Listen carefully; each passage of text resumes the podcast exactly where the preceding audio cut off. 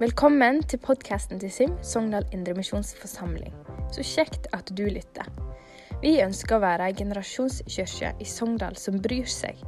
Vil du vite mer, sjekk oss ut på sogndalimf.no Og nå til søndagens preike. Det er en liten snutt på, på YouTube her fra Lukas 5. Det er jo en fantastisk historie. Ekte historie. Eh, og det er sånn at eh, Jesus sier til Simon at han eh, skal ut og kaste garnet og fange fisk. Og Simon og resten av gjengen har prøvd det hele natt og slitt seg gjennom det. Men så sier, svarer Simon i Matteus 5, 5, 6. Mester, vi har strevd hele natten og ikke fått noe. Men på ditt ord Og så ser vi da hva som, hva som skjer. Men på ditt ord. Det synes jeg er veldig sterkt. For det at man kan eh, jobbe hardt, en kan slite seg gjennom ting, streve og føle at man ikke kommer noen vei. Og man kan slite og streve og jobbe kjempehardt og føle at man bare stagnerer. Men så kommer Gud og taler. Da skjer det ting. Eh, og da kan vi tro og tillit til Han handler på det. Og Gud kan tale på mange forskjellige måter gjennom sitt ord, gjennom søsken, i bønn, i tilbedelse, i drømmer, i stillhet. Eh, ja. Men eh, på ditt ord. Hmm. Og det å løfte blikket kan ta neste slide, det er en aktiv handling. Det er et valg vi tar, en livsstil. Og Jo mer vi velger å løfte blikket på Jesus, enten vi er i den beste perioden i livet sitt, eller går gjennom tøffe ting, så vil det prege livene våre, og alle de jeg rundt oss blir preget av det. Nok en gang ordspråkene, noen vers her som eh, setter ord på det at det er en aktiv handling, noe vi på en måte òg må gjøre. Eh, Min sønn, akt på mine ord. Bøy ditt øre til min tale. La dem ikke vike fra dine øyne. Bevar den dypt i ditt hjerte. For de har liv for den som finner dem, og legedom for hele hans legeme. Bevar ditt hjerte framfor alt du bevarer, for livet utgår fra det. Åh, det er fantastisk. Legg alt du gjør, i Herrens hånd, så skal dine planer lykkes. Og det siste, kapittel fire. La dine øyne se bent fram, og la dine øyelokk vende rett framfor deg. Gi akt på den sti din fot skal gå, og la alle dine veier være rette. Bøy ikke av til høyre eller til venstre. Vend din fot fra det onde. Så nå har jeg sett litt på det og hvordan man kan holde blikket festet på Jesus. Og så skjer livet. Man kan bli syk. Og hva så? Da er det lett å miste motet, miste piffen. Blikket som før var på Jesus, blir mer innovervendt. Og ja, blikket flagrer. Vi blir i fokus, og omstendighetene forstyrrer oss mer enn hva Guds ord sier. Og selv i sykdom så kan vi faktisk erfare at Gud er nær, at han bryr seg, at han er der. Men mismot, hva med det? Et friskt hjerte gir kroppen liv. Motet holder et menneske oppe i sykdom, men mismot, hvem kan bære det? Glede i hjertet gir god helse. Mismot tærer på kroppen. Og nok et vers. Min sønn, lytt når jeg taler. Vend øret til mine ord. Slipp dem aldri av syne, og bevar dem dypt i ditt hjerte. De er liv for den som finner dem, og gir hele kroppen helse. Og Alle disse versene det er ikke bare teori, for Guds ord er levende og virksomt, som det står i Hebreerne 4. Og Det er mye jeg kan si om sykdom, og jeg har ikke alle svarene. Men det jeg kan si at jeg òg har erfart og vært syk. Vært sykemeldt et helt år, møtt veggen ja, og alt det innebærer. slitt med mye kroniske plager i mange, mange år. Eh, og det er ting en ikke alltid har svar på. En skal ikke tulle med sykdommen. Men Guds ord det står fast. Alltid. Og her har vi lest mange løfter med det å løfte blikket selv i sykdom. Om det er psykisk eller, eller fysisk. Det kan være så mangt. Um, så la oss ikke miste motet selv selv i sykdom. Mm. Ja, neste punkt. Noen som kjenner seg igjen, men jeg ikke tør å si det? Jeg har vært der. Dritlei av å være singel. Eh, det er òg en del av livet hvis man ønsker å finne seg noen, og det er det mange som ønsker. Skal ikke si så altfor mye om dette, men siden jeg, helt fra jeg var ja, 25, kanskje før det òg, så har jeg alltid hatt et ønske og, ja, sterkt ønske om å gifte meg og stifte familie. Men det ble ikke sånn. Det tok lang tid. Det tok faktisk ti år etter ja, til at jeg eh, gifta meg med Endre. Eh, og jeg har jo hatt kjæreste før Endre, men det ble det ikke noe av. Og det takker jeg for så vidt Gud for eh, nå. men det, det tok lang tid. Og i løpet av de årene har det vært masse frustrasjoner, sorg, ubesvarte spørsmål og alt det der. Eh, nesten sånn meningen med livet? ja. Men eh, Så jeg måtte ta noen valg. Eh, skulle jeg forbli i det negative og det uvisse og alt, eller skulle jeg velge å løfte blikket på, på han som faktisk har kontroll, og som kan vet alt? Og Etter en stund så er jeg glad at jeg klarte å gjøre det. For det er en helt annen frihet. og Det er ingen identitet i å være gift eller å være sånn eller sånn. men Eh, fantastisk, absolutt. Eh, men det er, det er, ikke det som gjør livet helt komplett. Det er først Jesus. Og så kommer alt andre i tillegg. Ja, jeg kunne egentlig sagt masse om det, for jeg tenkte først å bare snakke om det, men det var litt heftig. men, eh, men det, for det er så mye som kan stoppe oss i å sette livet på pause fordi en venter på at noe skal skje. Og Det kan være det å finne seg noen, det kan være jobb, det kan være studier, det kan være å kjøpe hus. Det kan være så mye at en bare bare jeg får det, så har jeg det bra. Bare jeg eh, er ferdig med skolen, så skal jeg studere. Eller når jeg er snart ferdig studere, nå skal jeg jobbe. Og nå jobber, nå skal jeg snart kjøpe hus. Å, nå gleder jeg meg til å bli pensjonist. Altså, alt er et eller annet en jager etter. det er alt, eh, liksom det å, Men ja, alle sider har sine ulemper og fordeler. Det er det å være litt tilfreds og takknemlig der vi er.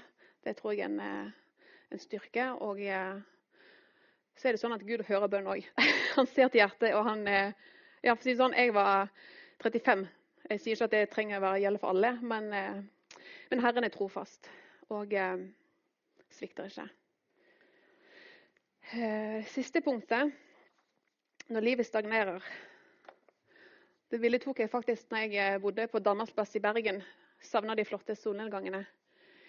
Men det er ikke så flott når man føler at det er en never ending story.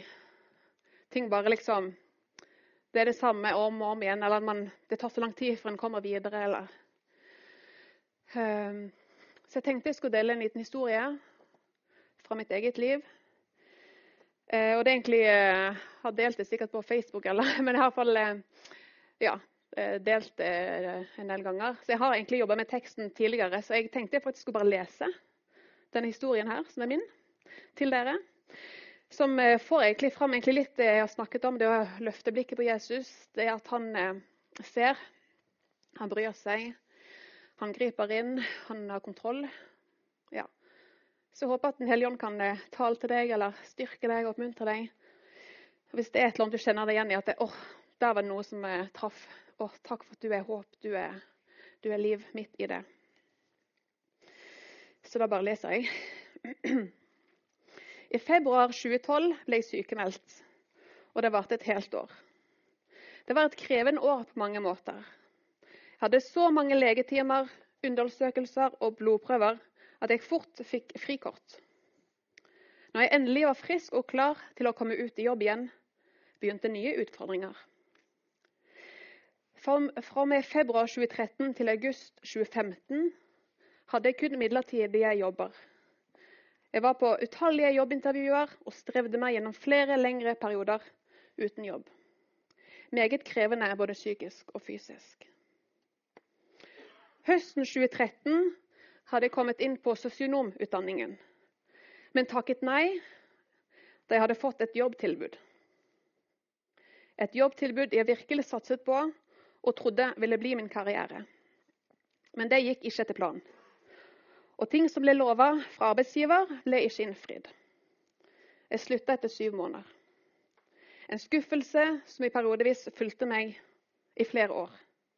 Kunne ikke bare takke ja til studieplassen. Kunne vært ferdig utdanna og spart meg for tre krevende år. Opplevelsen av å ha blitt snytt for tre år var til tider veldig slitsom og demotiverende. Følelsen av nederlag etter nederlag etter nederlag slapp ikke taket. Men midt oppi dette så valgte jeg igjen å legge dette i Guds hender, tross frustrasjoner og ubesvarte spørsmål. Og I alle disse årene med jobbsøk søkte jeg også alltid på noen studier. Men det var egentlig en plan B, i tilfelle jeg ikke fikk jobb. Så sommeren 2015 hadde jeg fått nok. Fått nok av ikke å få det til, fått nok av Bergen, fått nok av ikke kjenne på framgang. Jeg var veldig klar til å flytte til Oslo, og ting hadde ordna seg med studier og med bosted. Men Gud jobbet i meg og åpnet øynene mine på nytt. Fikk en sterk opplevelse at jeg skulle bli i Bergen og engasjere meg igjen blant ungdommene Tidligere var jeg veldig engasjert i ungdomsarbeid og lovsang og bønnearbeid når jeg bodde i Bergen. Mm. Og Gud ga meg et, friskt perspektiv, og tanken på å flytte var plutselig helt uaktuell. Jeg var full av forventning, og motet var tilbake. Jeg hadde selvfølgelig søkt på studier, men av en merkelig grunn så ble jeg ikke vurdert. Og kom heller ikke inn på noe. Og På den tiden så var jeg i et vikariat som gikk ut om to uker. Hadde heller ingen annen jobb å gå til, og hadde bare to uker igjen av støtte fra Nav, altså dagpenger. Nok et slag i trynet. Hva skal jeg gjøre nå? Alt jeg trodde Gud hadde talt meg om i Bergen, ble plutselig tåkete. Og jeg klarte virkelig ikke å se noen vei ut. Men til slutt valgte jeg å ta Guds løfter på ordet. At løftene hans står fast. Og jeg minnet Gud på at han hadde sagt at jeg skulle bli i Bergen og engasjere meg med ungdommene.